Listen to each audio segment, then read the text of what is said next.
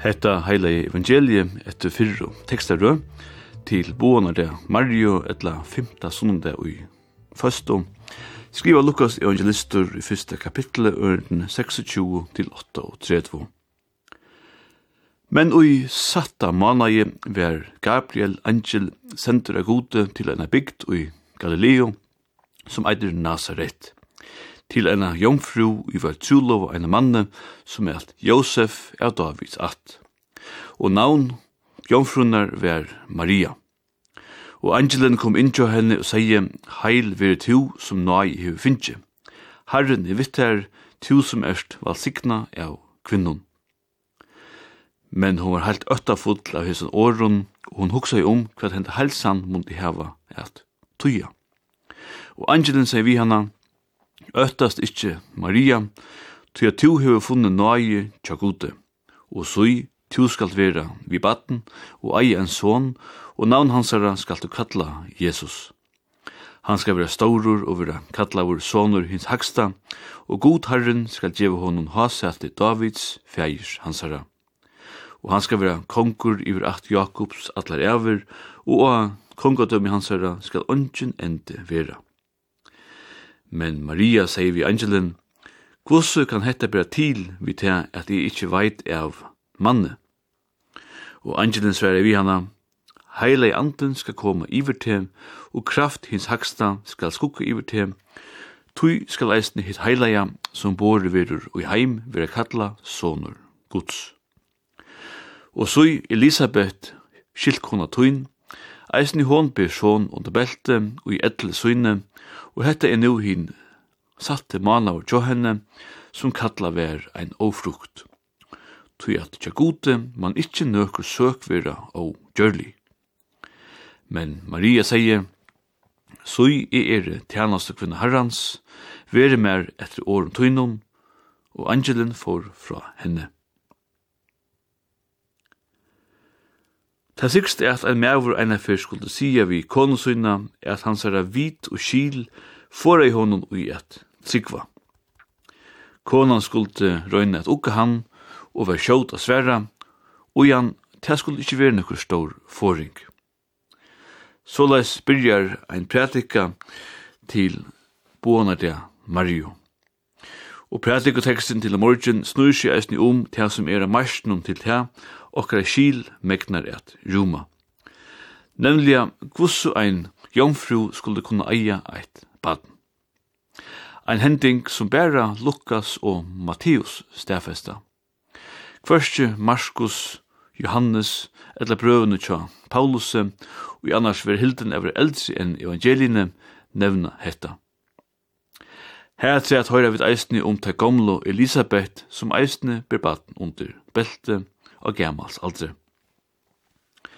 Men mitt ui, førstene, medan prinslusøvan ver alt deprare fremme mot lenka frutja deje, vera vidt altså mynd av at nu er det bare nutju månader til jola, nutju månader til jola deg.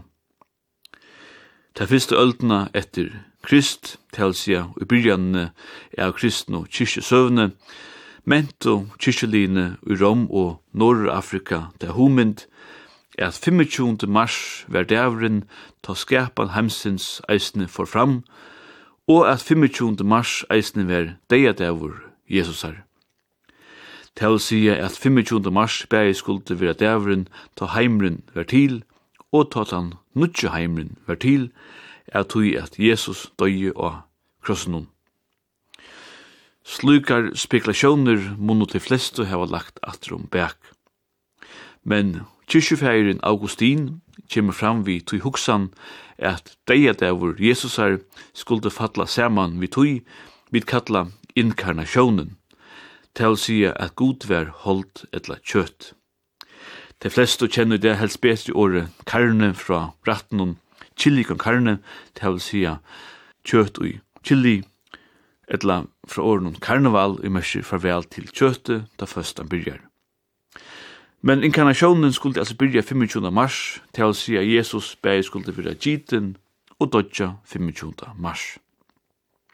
Og henda hatt kundu tei hatt i halda inkarnationerna og boanna og Maria fekk, Og skulle hetta eisne vera eina årsøktum til at jól vera hilden 25. desember, altså 9 månader etter 25. mars. Det er jo ikke fyrr enn omlai år 600 etter Krist er at kyrkjan menner eina særliga liturgi som nøyter ein nødjan hatt at hatir halda hendan dagen 25. mars. Årsøkjen til dette vær er flere biskopar våre måte, at leta hentan degin koma upp i tea liturgina og i hørte til føstuna og påsjonar.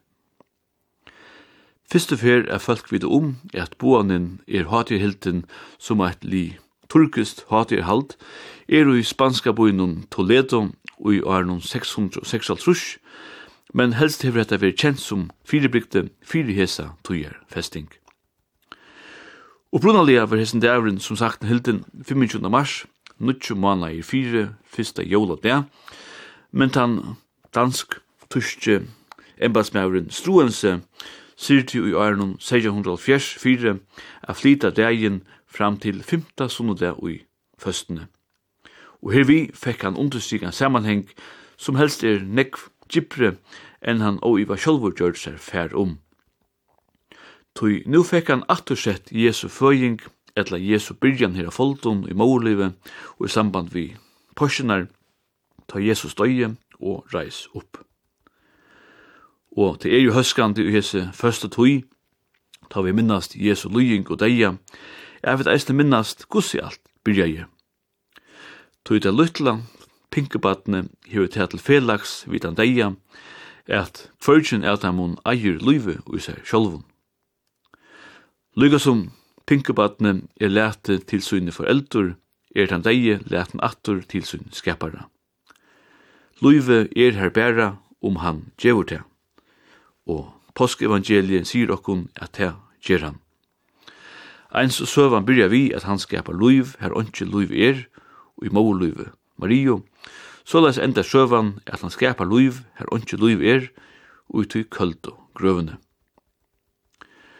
Oppe tjøkkenen kyrkje søvna er Maria, Jesu mor, ofta lust som henta unga gentan som nastan vi en smule sider og teker mot bovnen om at hon er vi baden vi Jesus at hon ber Guds son under belte.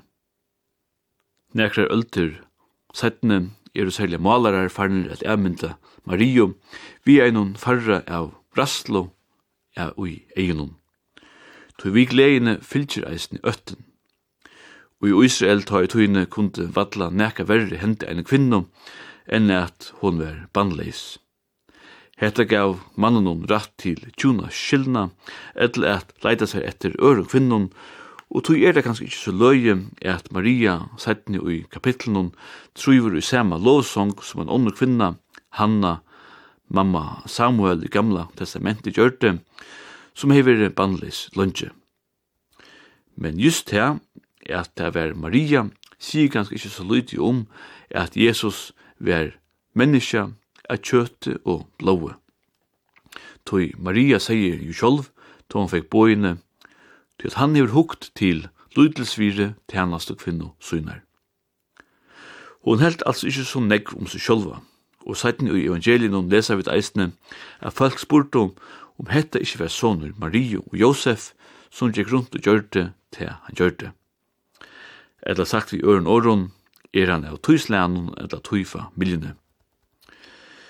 Men til hver han, tøy i morgen er det ikkje viti og kile som skulle for okkon, men i stegin frøyen om inkarnasjonene som skal lytte okkon, frøyen om at god valgte er gjerst menneska, og at han valdi er gjerst ein av okkon.